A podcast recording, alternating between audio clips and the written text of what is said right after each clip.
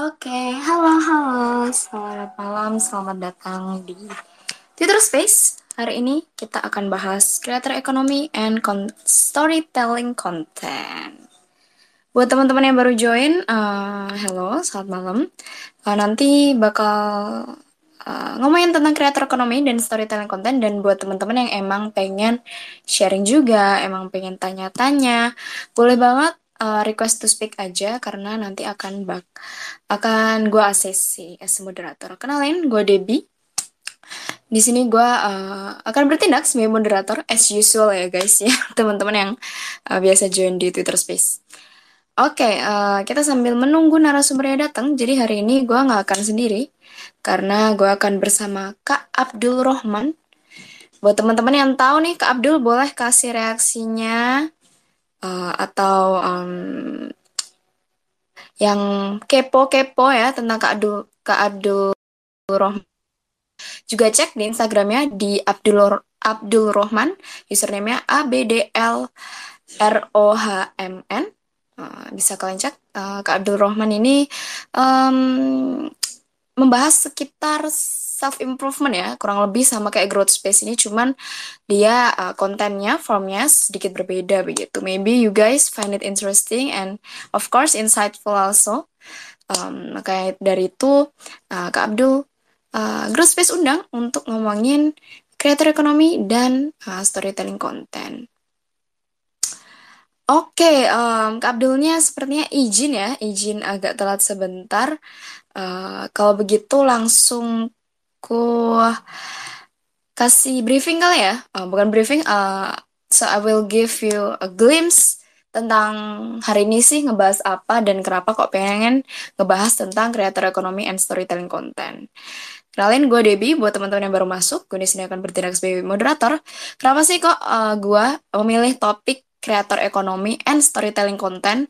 Of course, kalian-kalian pasti sudah uh, merasa ya sudah paham bahwa sekarang itu uh, there's so many konten-konten uh, kreator gitu ya guys yang ngebuat banyak banget types of content find it on YouTube um, youtuber sosial media kayak Instagram and TikTok kayak influencer begitu ngebuat banyak banget konten uh, dari lifestyle, edukasi, um, self improvement, food, apa pun itu type-nya. Jadi um, sekarang tuh konten uh, sudah sangat apa ya? very common gitu loh untuk diproduksi dan juga untuk dikonsumsi gitu. Siapa sih yang gak ngebuka Instagram? Siapa sih yang gak nonton TikTok ataupun YouTube gitu loh? Almost everyone yang punya sosmed itu uh, sudah mempro memproduksi ya konten sendiri begitu. Um, well with different intention. Maybe ada yang pengen jadi konten kreator kayak narasumber kita Kak Adul Rohman ada yang uh, pengen sekedar sharing aja giving values. Ada yang ya just for hobby maybe ya creating content posting apa pun. Bahkan lu selfie terus lu post itu aja sudah termasuk konten gitu loh. Ada juga beberapa uh, influencer, of course, uh, ada beberapa content creator yang sudah established gitu, yang sudah mempunyai audiens yang bisa dikatakan loyal ataupun banyak begitu ya. Uh, makanya dari situ ada beberapa klasifikasi kayak micro influencer, uh, macro influencer, and um, mega influencer. Nah, jadi hal itu nih guys menghadirkan fenomena yang dinamakan creator economy begitu. Kalau misalnya teman-teman baru dengar ya tentang istilah creator ekonomi um, itu mungkin aku jelasin dikit. Jadi karena everyone, uh, almost everyone sekarang udah punya kekuasaan untuk membuat konten dan sudah banyak banget uh, username, ah bukan user, user-user sosmed yang udah established, yang sudah punya audience dan yang sudah produksi konten secara konsisten. Uh, itulah yang um, menghadirkan fenomena creator ekonomi ini. Jadi membuat konten dengan intensi bukan dengan intensi membuat konten dengan uh, menghasilkan juga benefit gitu, berupa materi ataupun uh, yang lain begitu. Jadi creator economy ini artinya kegiatan ya uh, yang dijalankan oleh seorang kreator tidak harus dari perusahaan bisa jadi individu um, ya orang biasa saja yang uh, menghasilkan ton menghasilkan konten uh, melalui sosial platform sosial media yang uh, kegiatannya itu berdampak ekonomi ataupun mendapatkan penghasilan. Kurang lebih seperti itu ya. sudah menjadi profesi lah konten uh, kreator ini. Dan of course hari ini uh, gue ngebahas tentang kreator ekonomi dan story storytelling konten ini nggak sendirian. Um, gue di sini bersama Kak Abdul Rohman. Buat teman-teman yang uh, kenal Kak Abdul Rohman, boleh kasih reaksinya. Uh, pastinya banyak banget followers-followers ke Kak Abdul ini yang juga join ya di, di Twitter Space hari ini. Uh, boleh Kak Abdul, Kak Abdulnya sudah datang, boleh di ACC invitationku. Kalau misalnya belum masuk, boleh Kak Abdul yang request to speak, Kak. Uh, biar bisa aku ACC. Betul teman-teman yang pengen uh, tanya ataupun pengen share-nya terkait topik ini, boleh banget langsung aja request to speak karena uh, aku nanti bisa langsung ACC. Begitu. Oke, Kak Abdul. Halo, Kak Abdul. Apakah suaraku aman? Tuh Kak Abdulnya belum unmute nih Kak. Oh iya, maaf maaf. Halo semuanya. Oh iya. Halo halo. Suaraku aman, Ini kayaknya pertama banget. Aman aman aman. Oke. Okay. Hmm, aman. Oke, okay. Ini kayak pertama kali banget ya kak kita ngobrol di secara live ya kak di Twitter Space bareng Growth ya, Space ini ya kak. Betul. Aku Kenalin lagi ya kak. Iya. Oh, pertama kali uh, ini um, join yeah, Twitter yeah. Space. Uh, aku baru pertama kali make nih. Oh, oke okay, oke. Okay. Jadi jarang pakai platform Twitter ya kak memang? Aku biasa pakai sih, cuma belum belum pakai yang uh, fitur Space ini sih. Oh oke. Okay. Nah semoga kak Abdul bisa sekalian explore kali ya. Iya iya iya. Oke ini pertama kali banget nih Kak Abdul uh, ngobrol sama Growth Space ya Kak. Kenalin lagi aku oh. Debbie. Walaupun sudah kenalan di DM. Jadi aku mau kenalan lagi nih. Um, nah, oke. Okay. Nah, Kak Abdul ini uh, sebagai uh, kalau misalnya dijuluki ya, uh, julukannya sebagai apa nih Kak? Konten kreator, influencer atau gimana nih Kak pengennya? Aduh, apa ya? Aku konten kreator aja deh kayaknya untuk okay. mencapai influencer tuh kayaknya Eh, sudah loh sebenarnya kan sudah menginfluence orang. Iya sih, tapi kayaknya terlalu tinggi ya. Da, uh, Waduh. kreator aja lah. Aku humble ya, humble ya, Kak Abdul. Oke, aku lihat nih uh, salah satu alasan ya kenapa aku undang Kak Abdul nih karena engagementnya yang komen tuh tinggi banget gitu. Banyak banget yang komen terbantu sama kontennya Kak Abdul ini dan emang kontennya emang berkualitas juga ya guys. Jadi emang keundang nih karena emang sudah menginfluensi salah satunya saya nih Kak Abdul. Wah, thank you Kak Debbie. Keren keren. Nah, uh, mungkin ada beberapa audiens kali ya yang belum kenal Kak Abdul. Mungkin uh, kalau nggak kenal berarti nggak sayang ya guys. Jadi bisa nih Kak Abdul uh, kenalan dulu sama audiensnya. Boleh boleh boleh. Iya benar tuh kak, tak kenal sama kata sayang kan. Sayang bener. kata cinta. Tak yeah. cinta sama kata fallback ya enggak sih? Waduh, bener banget. Love language, saling fallback ya. Fallback itu bukan karena apa ya? Fallback itu karena value ya. Kita ngasih sesuatu buat bener. orang, orang mau kita lihat lebih ke situ sih. Oke teman-teman semua, kenalin nama aku Abdurrahman. Hari ini aku full time content creator. Terus aku part time juga di salah satu agensi media sosial aku bikin konten juga buat brand.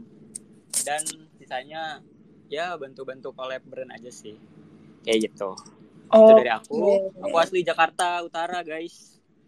Oh Sunter? Uh, ya deket Sunter. Oke okay, oke. Okay. agak jauh ya dari aku Jakbar soalnya. Free York sih. Sampingan New York. Oh wow Oke oke. Si Jakarta, oke anak ibu kota ya berarti ya. Yoki. Nah, nah Kak Abdul ini kan kontennya about self improvement ya Kak. Uh, boleh Betul. dijelasin ya Kak uh, ceritanya kenapa kok pengen ngebuat konten uh, dan uh, kenapa sih Kakak di set untuk produce konten mm -hmm. dan juga kapan gitu Kak. Uh, kakak mutusin kalau oh gue pengen uh, buat konten nih secara konsisten sekarang. Oke. Jadi sebenarnya berawal dari aku ini dulu tim repost ya kak. Aku jadi suka banget repostin oh. orang gitu kan. Jadi okay. buat aku kalau lagi scroll tiap ada yang relate aku repost, tiap ada yang relate aku repost. Jadi manusia itu manusia repost gitu loh. Nah, mm. semakin lama aku semakin mikir gitu ya, ke, kenapa ya kok aku cuma jadi tim repost, kenapa nggak aku yang posting dan aku yang menciptakan tim repost lagi gitu kan? Mm -hmm aku mikir kayak gitu jadinya waktu itu di 2000 aku pertama kali nyoba bikin konten itu 2019 kak.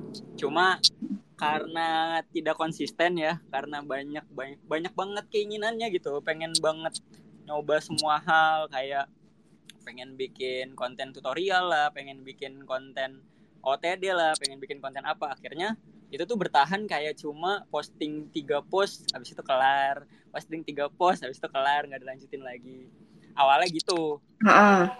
karena memang mungkin belum belum nemu ya apa yang aku suka kali ya. Karena uh-uh. banyak lihat orang aja gitu. Wah ini yang lagi emang tren, yang lagi tren. kalau di awal emang paling susah ya kak uh, kayaknya betul banget.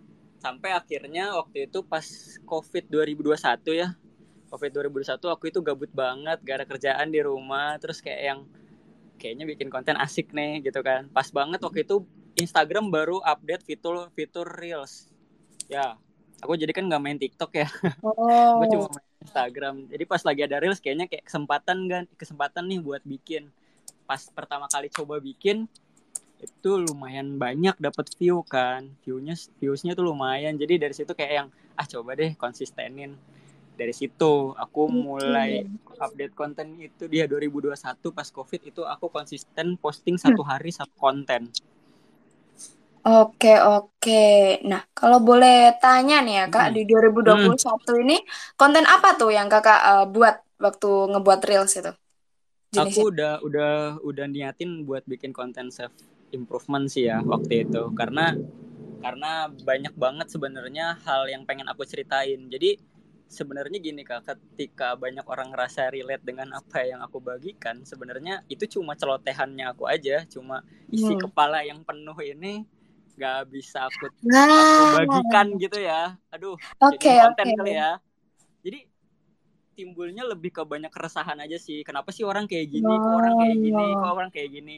Nah menarik menarik. dari berbekal dari pengalaman aku terus ya beberapa kali baca buku self improvement juga dari situ aku ngerasa kayaknya ini bisa jadi cerita yang bagus sih untuk orang lain gitu. Selain buat uh, reminder buat diri aku gitu ya buat pengingat diri aku tapi kayaknya ini bisa juga buat pengingat buat orang lain kayak gitu awalnya Oke, jadi awalnya there's no intention buat jadi influencer ataupun uh, ngejar endorsan gitu ya kak, ngejar materi begitu ya kak? Nggak ada sama sekali. Ini ini okay. klise sih. Ini ini kata orang mah passion passion ah, gak mungkin lah ya nggak mungkin lah pasti ada lah tapi beneran beneran waktu itu aku mikirnya cuma ada aku bikin konten untuk diri aku sendiri. Kalau relate buat orang lain alhamdulillah. Kalau enggak ya nggak apa-apa. Aku cuma okay. bermodal kayak gitu aja sih. Wih menarik menarik nih. Jadi uh, mungkin banyak dari kita yang bisa relate kali ya. Karena uh, uh, especially gue lah ya uh, salah satunya karena gue sering banget repost konten-konten kayak repost repost doang repost doang kayak oh, di yeah, iya, story yeah, yeah. gitu. Ya ya kayak kayak Abdullah kayak for, example like uh, I want people uh, buat ngeliat konten ini karena bagus gitu ya. Kan mesti mm-hmm. uh, spirit of sharingnya tinggi gitu loh. Kayak pengen orang-orang tuh ngeliat konten yang kita lihat juga gitu. Dan uh, sama banget kayak aku ya walaupun gue bukan konten creator ya sekarang maksudnya uh, tapi um, pengen sih sebenarnya kayak uh, nulis gitu at least paling enggak uh, put out something for people to see gitu kalau misalnya ada yang setuju ya bo ya nggak apa ya oke okay. kalau misalnya nggak ada ya udah Oke, okay. menarik menarik. Jadi memang passionnya itu suka banget ngeliat konten dan juga suka banget berbagi lah ya begitu ya bisa dikatakan nih Kak Abdul. Ya bisa bilang gitu sih awalnya. Oke, nah sekarang pertanyaannya nih kan awalnya memang bingung ya mau buat konten apa kok kayaknya di di apa pikiran tuh kayak pengen buatnya banyak banget banyak banget ya pengen dicapek jadinya overwhelm yep. sendiri kan ya. Nah tapi kenapa memutuskan akhirnya untuk membuat konten tentang self improvement kak? Karena apa ya kak mungkin mungkin banyak banget yang tadi ya pertama karena pengalaman aku banyak banget uh, ngerasain dikecewain sama teman deket tuh gimana gimana caranya berkembang apalagi uh, kita ngerasa kali ya self improvement itu susah ya. Berkembang sendiri itu susah gitu ya. Jadi yes. lebih ke aku pengen punya temen buat berkembang bareng-bareng gitu loh kak. Mm-hmm. ah jadi aku ngerasa kayaknya dengan konten aku yang self improvement ini banyak hal yang masih bisa aku explore gitu ya. Dibanding aku ma- ma- contoh ya bikin akun tutorial. Kalau misalkan tutorial udah mentok ya udah aku nggak bisa bikin konten lagi Oke. Okay. Uh, kalau TD ya mungkin aku harus beli beli beli OTD terus gitu ya atau konten jalan-jalan ya aku harus jalan-jalan terus tapi kalau seputar self improvement mungkin aku bisa banyak gali dari diri aku sendiri kali ya kayak sama sebenarnya lebih ke simple like aku ngobrol sama orang oh ternyata dia begini bisa jadi konten gitu kan kayak misalkan ketemu hal yang nyebelin dikit ah ini kayaknya bisa jadi konten. Kayaknya lebih lebih luas sih alasannya. Oke. Okay. selalu melihat kesempatan ya semua yang dijadikan ya, konten. Tapi itu salah satu ini kali ya kak. Melihat kalau anda ini ya kak Abdul ini kayak pemikir juga ya orangnya ya. Ya bisa dibilang tinker lah ya iya benar-benar pemikir banget saking uh, banyaknya keresahan ya kak di di pemikiran gitu di otak jadi ya ya udahlah gue sekalian aja gue tulis gue terus gue uh, jadiin konten begitu ya kak Abdul betul betul oke okay. nah Um, Oke, okay. about self improvement tadi karena pengen uh, karena emang uh, yang digeluti sekarang kebanyakan itu dan juga pemikirannya kebanyakan emang lagi uh, pengen mengimprove diri juga lah ya begitu. Betul betul. And sekarang kan aku melihat gitu kontennya ke Abdul yang about yang tulisannya itu tentang uh, apa ya namanya renungan-renungan begitu ataupun tips-tips hmm. begitu. Yeah. Nah kalau yang kuliah tuh memang storytellingnya emang cakep sih gitu uh, cara pemilihan katanya itu enak dan juga kayak ngobrol sama teman lah ya. Eh, nah, kalau dari Kak Abdul nih, um, kalau misalnya ditanya gitu ya, apa sih Kak hal yang unik dari konten Kak Abdul sendiri? Oke, okay.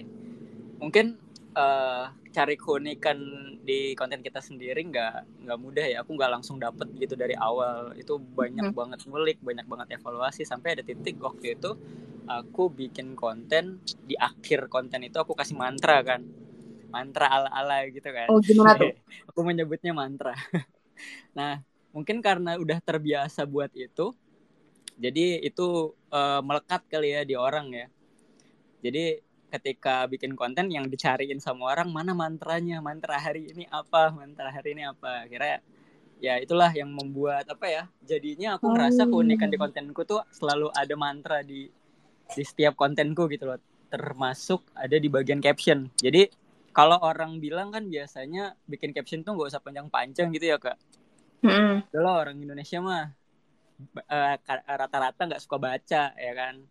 Aku malah pengen bangun kesadaran baca itu di followers aku gitu loh. Aku pengen bangun kalau event lo buka handphone tapi lo tetap bisa dapat sesuatu dari apa yang lo baca. Maka aku ngelihat keunikan di kontenku adalah ketika orang mau baca captionku tuh lama gitu loh kak. Mau menghabiskan mau okay. uh, time gitu loh waktunya buat baca caption. Walau padahal panjang banget kan captionku kan.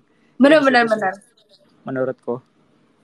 Oke okay, menarik menarik and why do you think uh, Kak Abdul berhasil hmm. gitu ya menemukan uh, niche-nya, maksudnya menemukan audiens yang memang tertarik dan memang mau baca konten yang uh, panjang, maksudnya yang lumayan deep begitulah. Karena kebanyakan yeah. itu kan yang viral-viral itu yang yang yang easy to watch aja kan, yang hooknya, yep. uh, yang hook banget lah buat orang-orang hmm. langsung melihatnya langsung tertarik gitu. Tapi kan konten kakak tuh ya bukannya nggak berhook, maksudnya hooknya tetap oke, okay, tapi uh, isinya juga banyak orang yang tetap baca begitu loh. Menurut kakak yeah. kenapa tuh? Buat uh, jadi kenapa orang mau baca gitu ya kak? Yes. Kenapa ya? Mungkin karena mungkin karena terbiasa kali ya. Jadi aku aku tuh dulu biasanya kalau bikin konten mm. tuh semua hal aku jabarin gitu ya kak di dalam video mm. langsung gitu ya. Tapi semakin ke sini aku lebih ke poin-poin aja. Sisanya terakhir aku CTA kan. Aku aku selalu aku taruh di belakang tuh cek caption cek caption ya mungkin karena oh. udah terbiasa ya melakukan hal yang simple lakukan berulang gitu kan jadinya itu menjadi habit ya dari audiensnya aku kalau mau lihat kontenku oh berarti harus dibaca captionnya karena okay. uh, eh, isi yang penting yang penting ada di captionnya gitu barat kata gitu ya mm -hmm. Oke, okay, berarti hooknya memang dari videonya harus menarik dulu kali ya Kak Abdul ya? Oke, dari itu orang-orang bisa uh, ngelihat nih sebenarnya kontennya itu tentang apa sih pelajaran uh, value apa yang bisa diambil dari captionnya.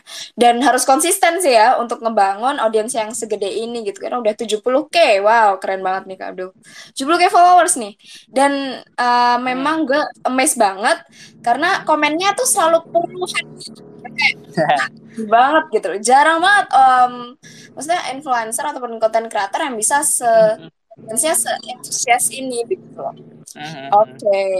Nah, untuk dari Kak Abdul sendiri ya, the process of creating kontennya itu gimana Kak? Apakah uh, when you're uh, maksudnya punya ide langsung Kakak tulis begitu terus langsung buat konten detik itu juga atau gimana Kak proses?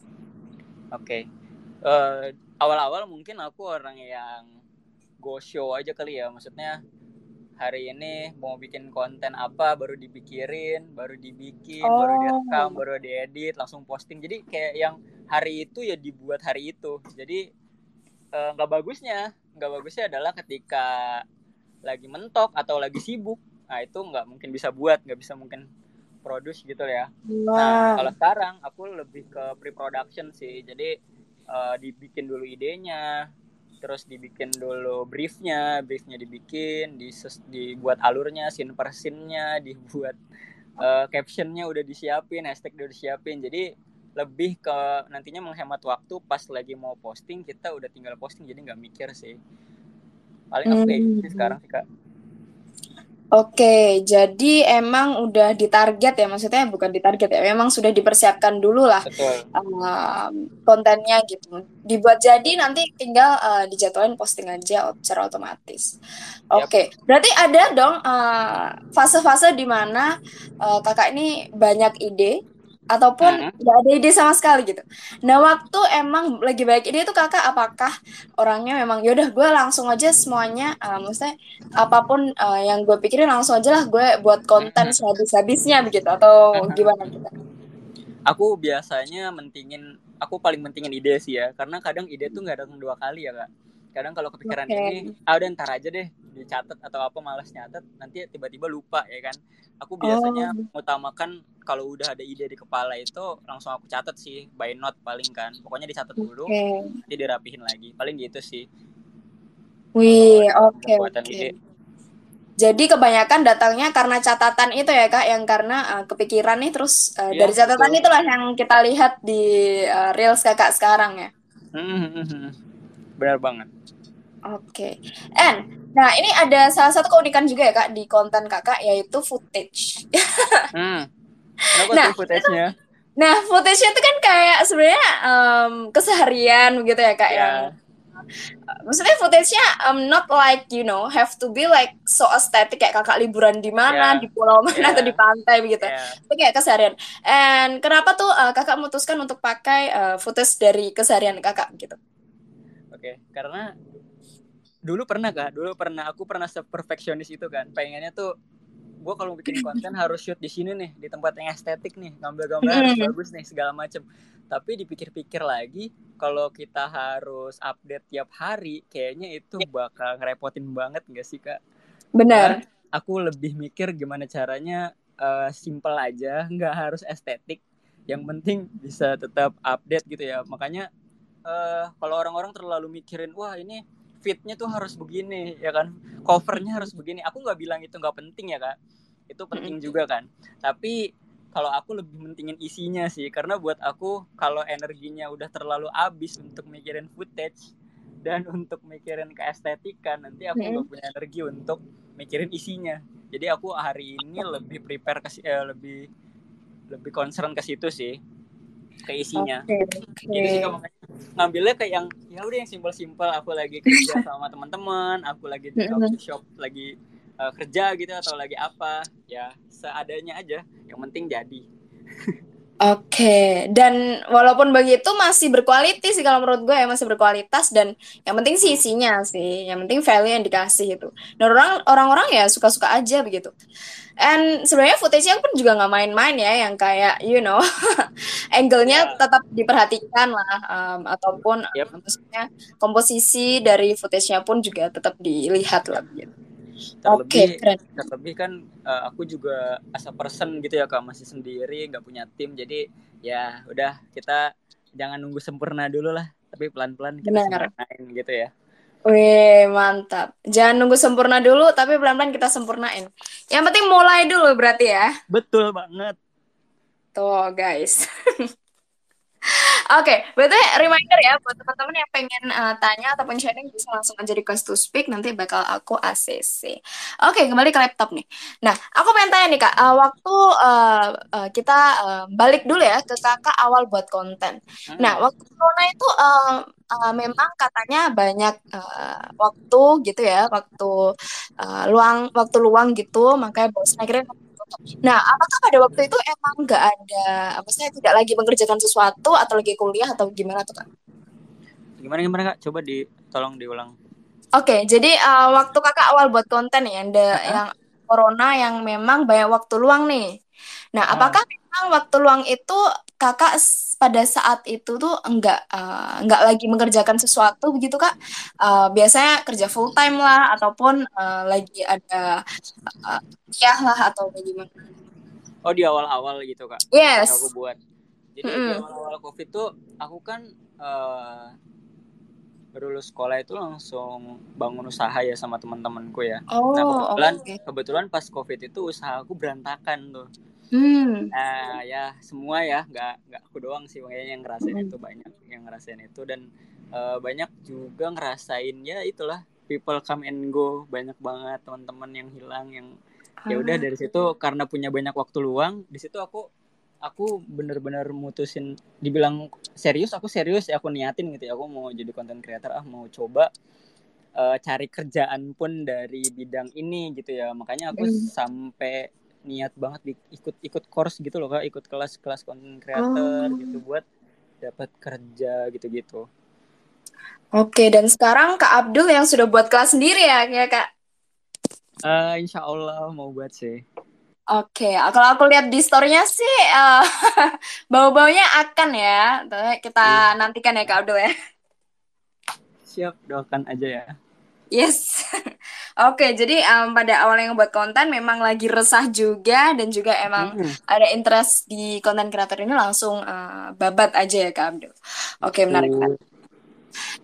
Um, menurut Kak Abdul nih sendiri, eh, apakah Hmm. konten itu ya yang ter yang terfokus, konten yang terfokus seperti eh, konten yang fokus pada mungkin, for example self improvement, ya ju- Ya. ya udah bahas kontennya self improvement doang gitu. Sama konten Hmm. yang lebih general yang maksudnya semuanya dibahas begitu lebih works daripada eh, jadi konten yang khusus gitu lebih works daripada konten yang general atau ke apakah menurut Kak Abdul begitu atau enggak juga tuh? mungkin eh kalau yang aku pelajari sih kayak ini sepanjang yang aku pelajari Hmm. mungkin kalau di awal bikin konten kita harus buat niche-nya yang sedetail mungkin sih yang yang apa ya Oh. yang lebih ke satu fokus ke satu hal aja gitu.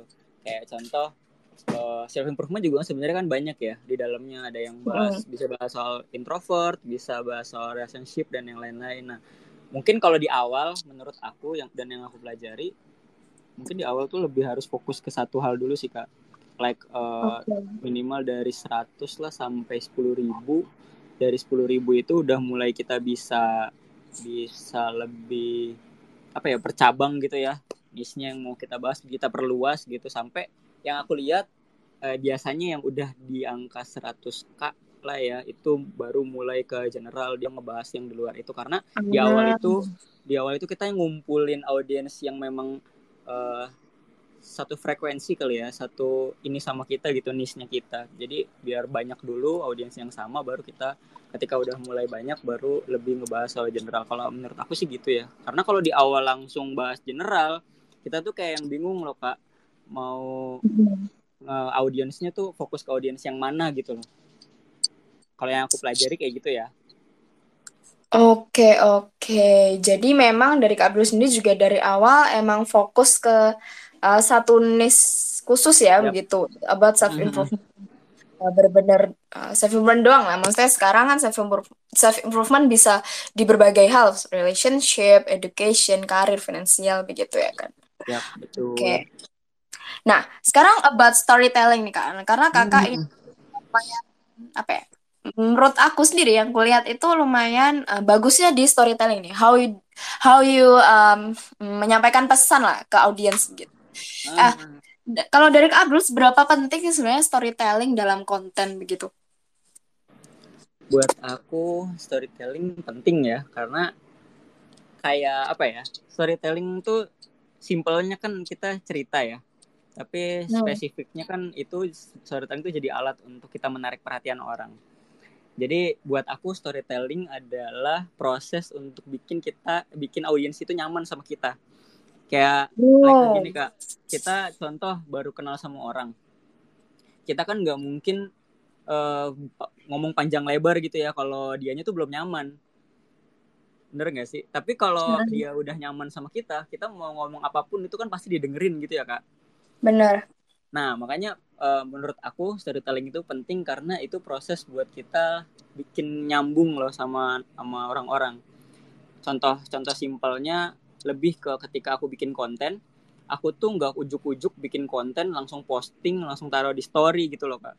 Tapi aku tuh biasanya bikin storytelling, aku bikin bridging dulu, aku jembatanin dulu kan, aku bikin hmm. bridging, nanya dulu yang berhubungan sama isi kontennya. Jadi di bridging dulu sampai akhirnya di akhir baru aku post kontenku jadi di situ yang membuat orang jadinya masuk gitu loh oh ini ini udah udah kena gitu alurnya dari awal oh dia membahas ini nanti ujungnya ke sini karena kalau misalkan aku update misalkan ya lagi makan atau lagi ke tempat apa tiba-tiba aku upload tentang hubungan sama orang itu kan kayak orang kaget lah.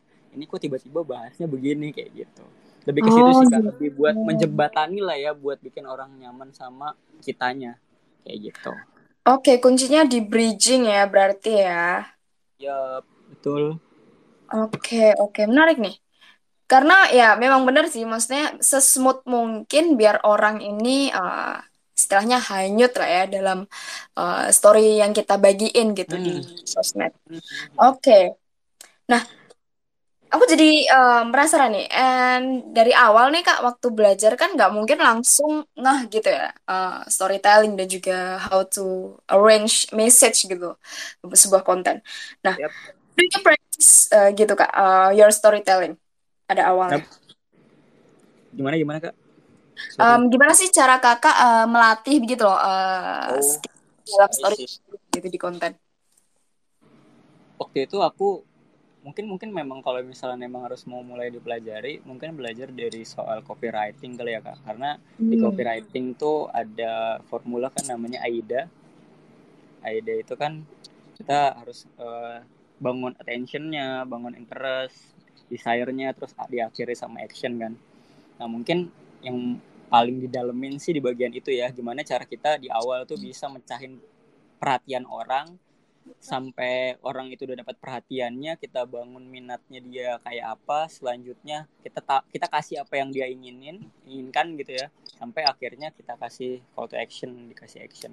Mungkin itu dan kedua mungkin banyak consuming aja kali ya kak. Banyak liatin konten-konten orang. Kalau aku sih biasanya mungkin ini tips juga sih buat teman-teman. Kalau misalnya teman-teman mau mau apa ya bikin konten yang bagus itu buat aku mungkin perbanyak lihat konten-konten yang kita suka ya. Kayak contoh hmm. like uh, kita punya tiga influencer atau konten creator kesukaan kita kita lihat aja konten dia mana sih yang viewersnya paling gede terus kita lihat bagaimana cara dia bridgingnya di awalnya itu gimana di akhirnya gimana sampai call to actionnya gimana dan itu kita kita aplikasiin gitu ya ke kontennya kita kita ATM ke kontennya kita kita amati tiru modifikasi lebih ke situ sih kak mungkin kak di awal ya Oke, menarik menarik. Jadi kita bisa banyak riset juga ya Kak Abdul ya. Uh, maybe um, rumusnya sih melihat apa namanya uh, konten kreator yang kita suka gitu, yang memang kita on off. Uh, yeah. kita find it interesting juga kontennya. Dari situ hmm. bisa uh, tiru lah maksudnya hmm, bukan isi kontennya tapi cara dia ngekemas si Betul. konten itu sendiri gitu ya. karena hmm. kayak sekarang kan banyak banget ya iklan-iklan hmm. tuh yang aku tuh kadang ke hipnotis juga gitu loh kak maksudnya aku tuh nggak nggak ngira ini iklan gitu loh ke bawah ke bawah tiba-tiba ah iklan. Aduh gorengan. Kalau kata orang-orang kan aduh gorengan. Nah dari situ mungkin banyak belajar ya. Banyak saya banyak banyak lihat. Jadi aku yang tadinya orang yang nggak suka iklan sekarang tuh aku lebih banyak merhatiin iklan sih kak. Kayak oh gimana nih cara dia masukinnya nih? Awalnya tuh gimana sih? Sampai di akhir tuh gimana sih? Kayak gitu sih kak. Jadi buat aku sekarang tuh kayaknya nggak ada iklan yang jelek sih kak. Nggak eh nggak ada Oh. orang yang nggak suka iklan. Kalau iklannya nggak jelek kalau iklannya bagus Iya benar benar benar benar. Oke menarik nih risetnya belajarnya dari iklan ya Kak Abdul ya. Tapi emang benar sih uh, right now emang karena sekarang juga not just creator ekonomi ya, ada istilahnya attention economy begitu. Attention economy di mana emang atensi kita, perhatian kita itu gampang banget untuk dialihkan atau teralihkan gitu. Dan makanya itu um, banyak uh, orang-orang not just brand, you know, not just advertisement, tapi kayak konten kreator kayak Kak Abdul ini atau Growth Iya. Space ini yang juga produksi konten yang memang pengen ka, uh, pengen me- me- mempunyai atensi uh, orang-orang begitu loh. That's why Yep. it called Betul. attention economy karena merupakan sesuatu yang berharga lah sudah atensi ini. Merupakan sesuatu yang emang uh, bisa uh, dihargai begitu loh. Karena atensi kita emang penting ya guys. That's why makanya Betul, dari betul attention economy inilah me- melahirkan gitu, melahirkan creator ekonomi. Uh, karena now siapa yang memegang atensi audiens, atensi masyarakat, dis- mereka lah yang uh, menang begitu. Istilahnya ya, uh, ibaratnya gitu. Oke, oke, menarik nih. Oke, nah, nah tadi aku udah dengar tentang proses kakak ngebuat konten dan juga um, dari set dan juga uh, dari uh, apa namanya uh, proses menulisnya gitu. Nah, Ya. durasi nih kak, durasinya tuh yang biasanya uh, bisa nggak sih kak dipatok gitu? Kira-kira uh, membuat satu reel sekali ya, satu konten, Ya. satu uploadan itu kira-kira durasinya berapa lama sih?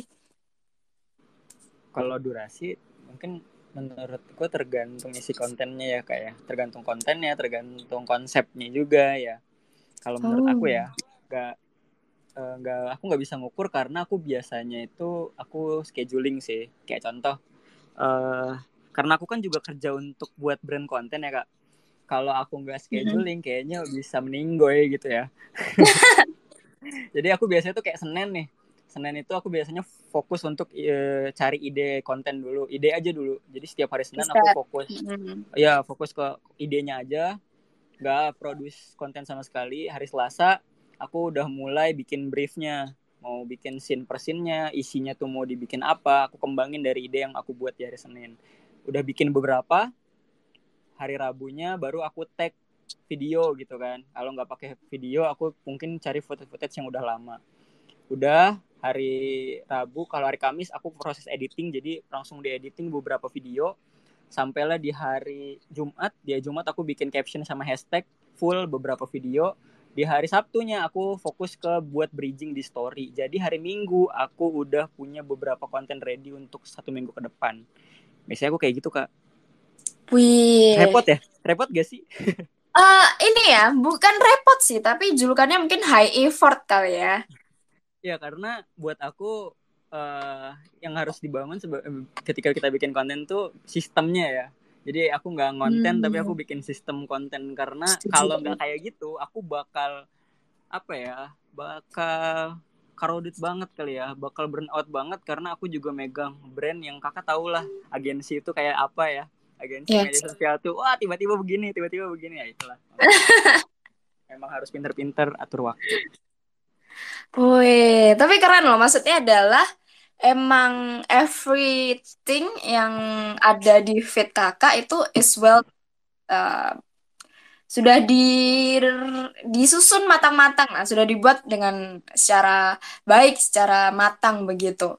That's why makanya we can uh, differentiate sih mana yang konten yang you know berkualitas dan juga just you know as hiburan doang gitu loh. Ya, it means that Kak Abdul ini punya so much value lah to give gitu to the audience-nya. Oke, oke, menarik nih. Jadi emang sebegitunya, Kak. Oke, dari Iya. Senin sampai Sabtu nih. Jadi minggu doang nih istirahatnya, Kak Abdul ya. betul Oke, tuh emang terlihat lah tapi dari uh, kontennya sendiri gitu. Oke, nah sekarang uh, lanjut nih ya. Uh, kalau misalnya kakak uh, bisa, uh, bukan bisa, uh, kakak uh, pengen kasih tahu nih ke audiens begitu ya. uh, apa aja sih uh, tips mungkin ya uh, atau hal-hal yang perlu dipelajari begitu untuk ngebuat uh, storytelling storytelling yang oke okay gitu kak. Maksudnya adalah apakah mereka uh, step first stepnya apa dan juga uh, apa yang mereka harus uh, ikutin begitu list tudunya. Mungkin bisa awalnya dari kita harus bisa sering rajin baca kali ya kak. Maybe ya? hmm. ya, maybe itu bisa karena karena powernya storytelling kan ada di bagian penulisan ya kak. Yes. Jadi aku ngerasa konten apa storytelling yang bagus adalah tergantung bagaimana cara penulisan kitanya kan dan aku juga belajar kalau eh, produce konten itu 80% banyakkan ya konten creator itu lebih fokus ke bagian penulisan. Jadi 20 persennya udah ke teknis yang lain-lain gitu. Tapi full fokusnya ada di bagian penulisan 80%. Jadi menurut aku mungkin lebih dirajinin baca kali ya. Dari rajin baca, rajin riset. Jadi sebelum kita buat uh, kita ini udah tahu loh apa sih yang mau kita sampaikan apa sih yang uh, jadi kekuatan dari penulisan kita tuh apa? Mungkin dari situ sih rajin rajin baca terus kita juga setiap ada ide yang tadi aku bilang ya setiap ada ide tuh langsung kita tulis gitu kan. Itu juga bisa. Lalu bisa mempelajari audiensnya kita. Audiens kita tuh sukanya yang kayak gimana sih? Yang yang bisa mungkin bisa evaluasi konten kita juga. Jadi bikin beberapa konten kita evaluasi mana nih yang mungkin like dan hmm. komennya save dan sharenya itu lebih banyak yang mana yang mungkin berarti itu yang memang disukai sama audiens bisa bisa dipelajarin dari situ oke berarti trial and error uh, yeah. itu penting ya kak Even Kak Abdul sendiri awalnya, uh, apakah awalnya sudah memang banyak traction yang masuk atau gimana tuh Kak Abdul?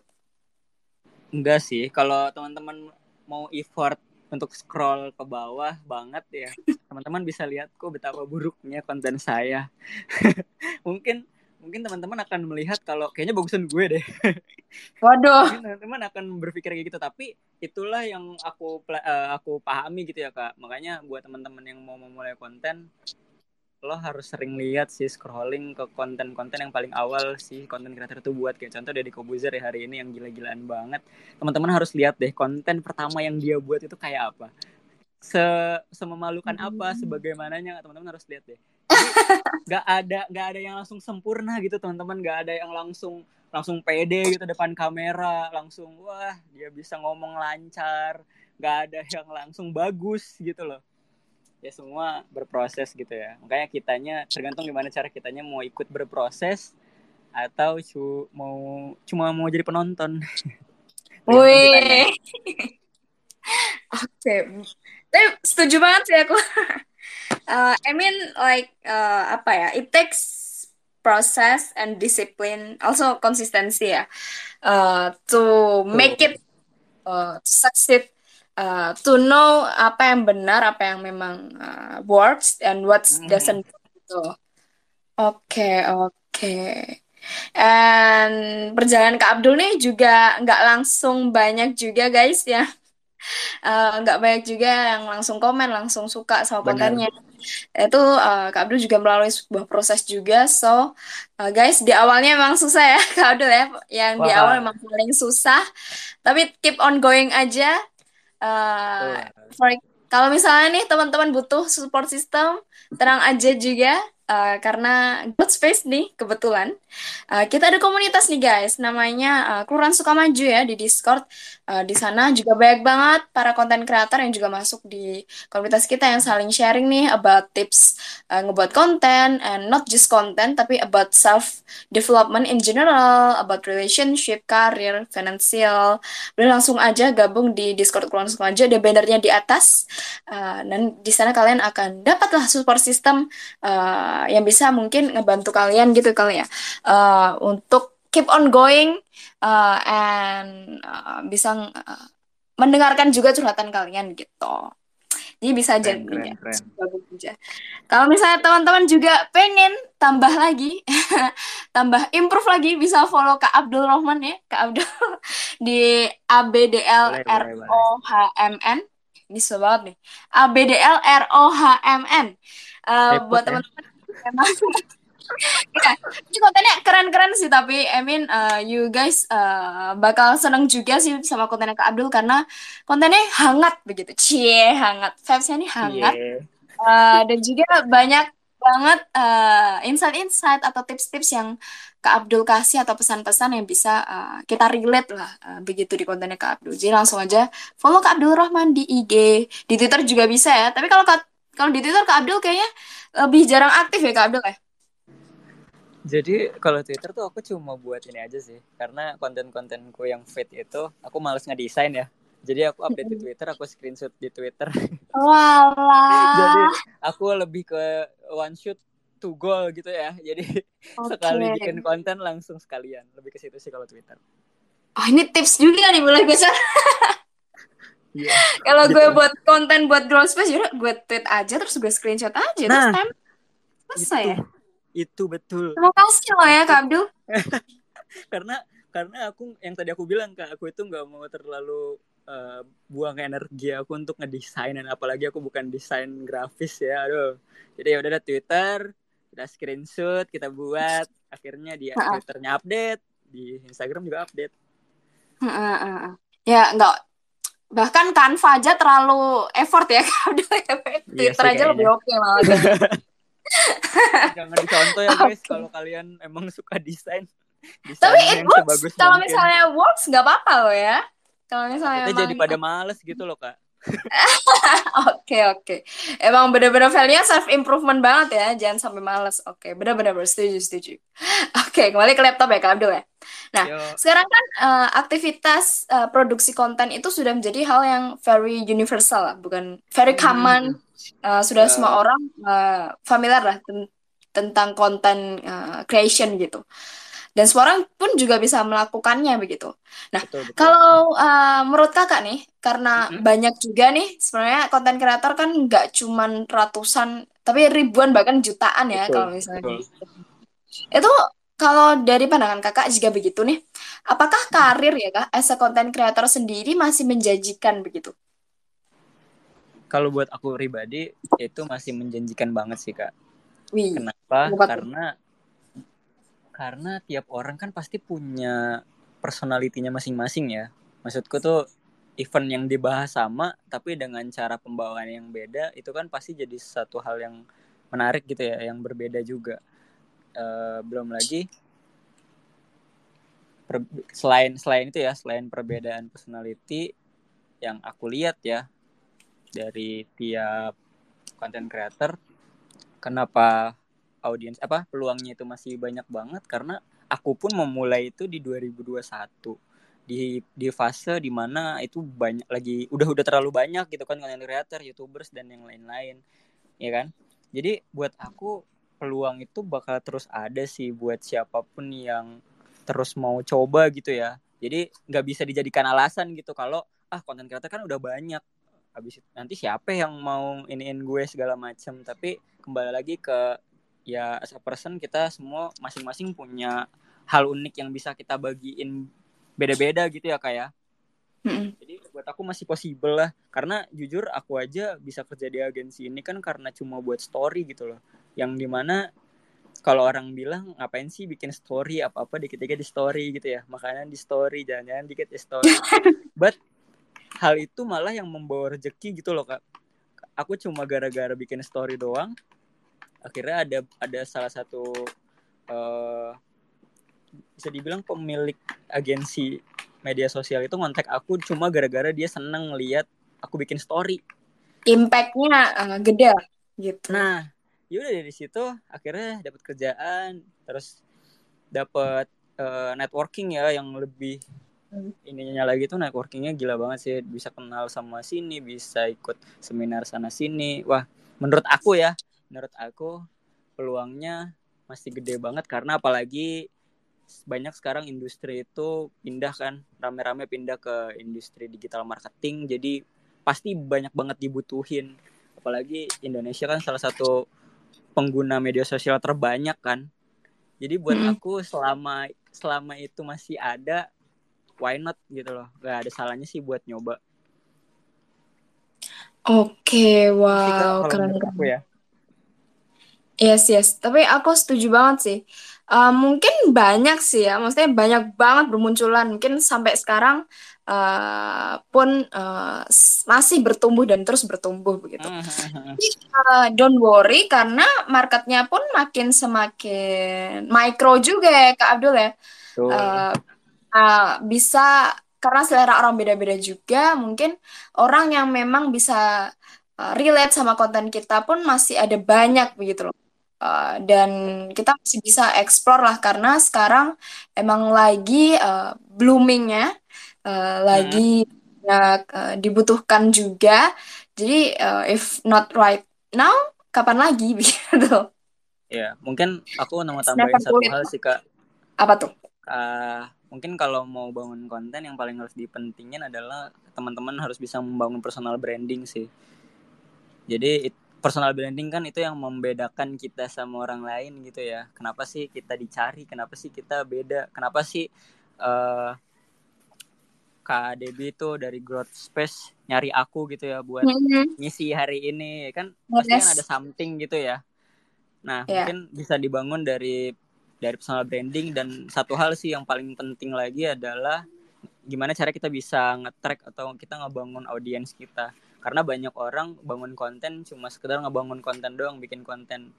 Nggak salah sebenarnya ketika kita bikin konten isinya endorsan semua. Nggak salah. Aku nggak bilang itu salah but uh, kita juga harus ngasih value gitu loh ke followers kita kalau inilah yang membedakan kita sama yang lain lebih ke situ sih makanya kenapa kak Debi tadi nanya kok bisa sih komennya banyak? Kok kok bisa sih banyak orang yang interaksi? Karena dari awal yang aku bangun itu nggak cuma bangun kontennya gitu loh tapi aku ngebangun audiensnya.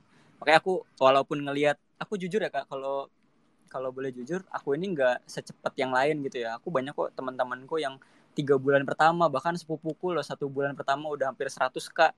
Aku hampir satu tahun lebih masih masih di sini. Itu menurutku aku tuh si si lambat gitu ya dibanding yang lain yang lain sih cepat banget tapi aku enjoy kenapa karena aku paham setiap orang punya pace-nya masing-masing, setiap orang punya audiensnya masing-masing dan aku menikmati untuk membangun audiensku sendiri. Kayak gitu sih. Kata-katanya self improvement banget sih ini. ya, mohon maaf ya, saya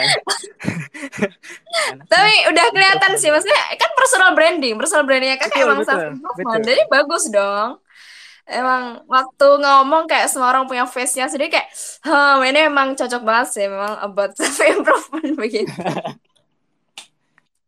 Oke oke. sekali ya. Super sekali. Iya.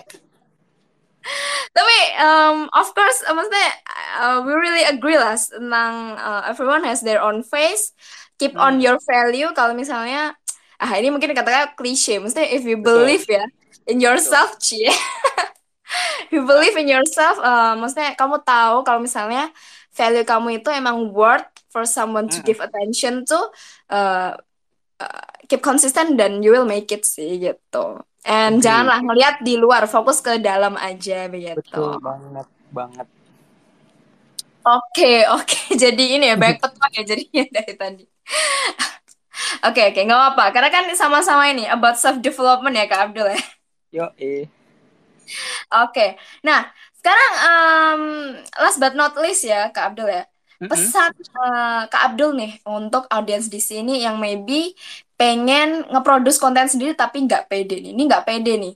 Uh, what uh, what message uh, would you like to give Kado? Sebenarnya udah banyak sih dari tadi yang udah aku sebutin ya. Kenapa? Hmm. Apa, gimana caranya teman-teman bisa lebih pede? Dari yang pertama, yang penting mulai aja dulu. Jangan nunggu sempurna. Kita maksudnya jangan jangan nunggu. Wah kita kita nggak munafik ya. Setiap dari kita punya perfeksionisnya kita masing-masing. Yes. Ya kan? aduh aku pengen hmm. nih konten tapi nunggu 14 Pro kali asik kali ya aku pengen konten nih tapi nunggu kameranya bagus aku mau konten tapi nunggu ada waktu luang dulu aku mau konten tapi kalau udah ini nah semakin ditunda ya semakin kita nggak mulai-mulai maksudku tuh gini loh kalau kita aja nggak mulai dari sekarang kita mau mencapai goalsnya tuh kapan jadi paling penting mungkin menurut aku awalnya teman-teman punya why dan goalsnya dulu sih. Kenapa teman-teman mau mulai konten? Goalsnya apa sih yang mau dicapai? Paling dua hal itu dulu sih karena kalau dua hal itu aja kita pondasinya nggak punya itu agak sulit. Yang ada kita cuma ikut ikutan yang ada kita nanti berhenti di tengah jalan gitu kan. Karena ngerasa ah kayaknya capek deh kayaknya susah deh.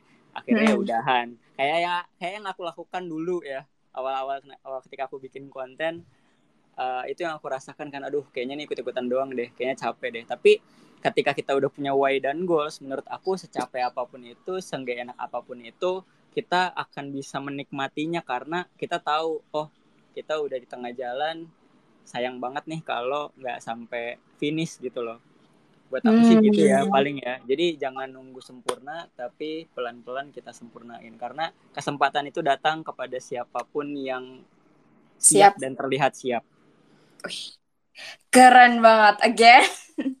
um, gue setuju banget. Tapi tapi gara-gara kakak ngomong about why, hmm. I agree sih Hmm. kalau misalnya fondasinya harus kuat. Kalau enggak ya of course kita uh, mager-mageran lah ya, angin-anginan gitu. Nah, karena gara-gara kakak ngomong tentang why gitu. Aku jadi hmm. pengen tahu nih, kalau dari Kak Abdul sendiri, why-nya itu apa sih? Apa cuman kayak passion doang atau emang hmm. jadi gue emang suka sharing aja, jadi gue sharingin. Tapi oke uh, jadi apa tuh Kak? Oke, kalau ditanya why-nya mungkin awalnya memang cuma mau buat berbagi aja ya, sharing gitu ya. Tapi setelah berjalan berjalan gitu ya, setelah berjalan aku aku aku punya why-nya itu lebih ke aku pengen bangun personal branding.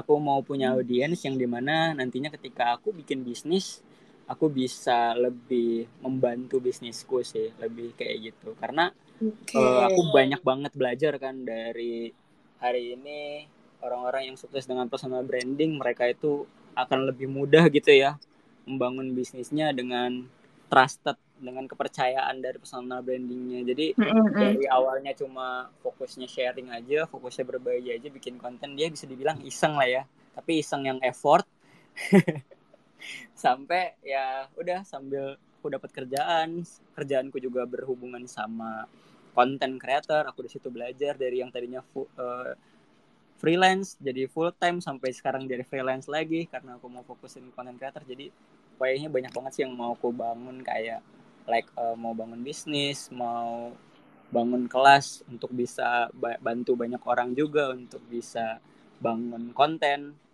Banyak banget sih why-nya itulah yang membuat aku jadinya enjoy gitu loh teman-teman ketika bikin konten oh ya udah hari ini lagi capek tapi harus tetap konten ya udah jalanin.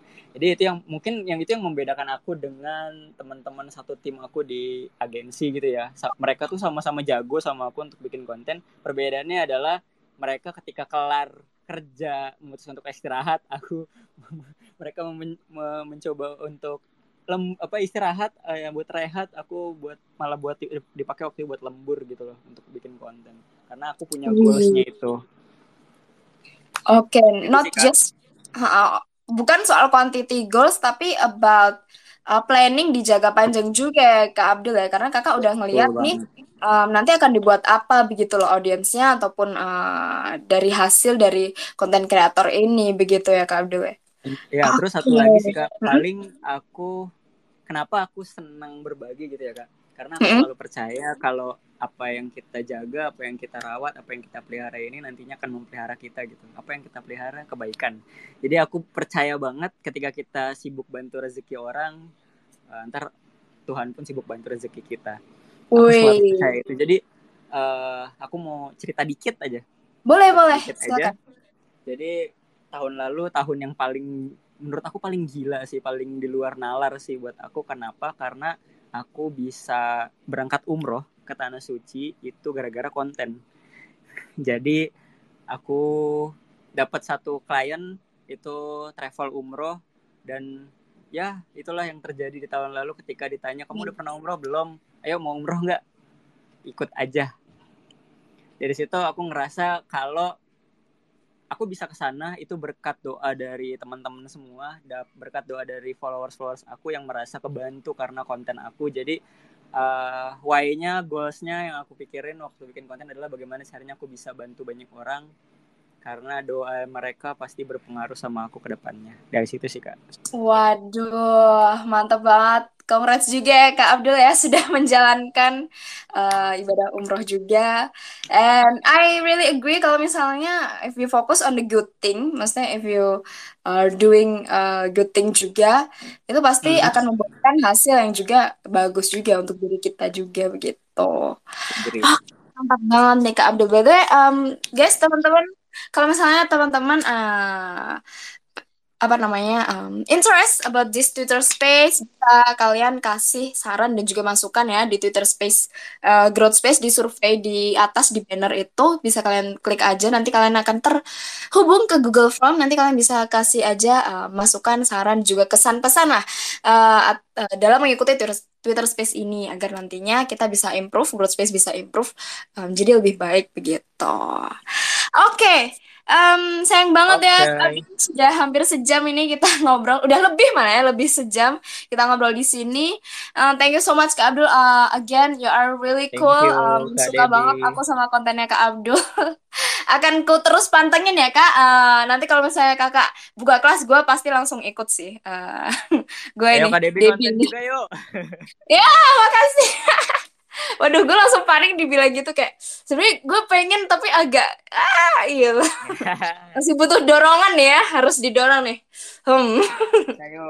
Oke oke terima kasih loh ya kak semangatnya juga.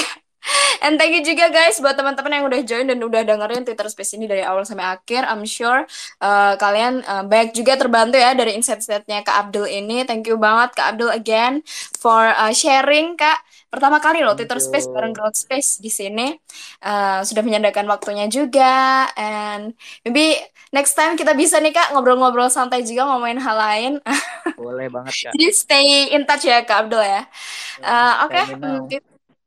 Oke, nah uh, Twitter Space-nya sampai di sini uh, saja guys. Jangan lupa minggu depan masih ada Twitter Space yang nggak uh, kalah seru juga.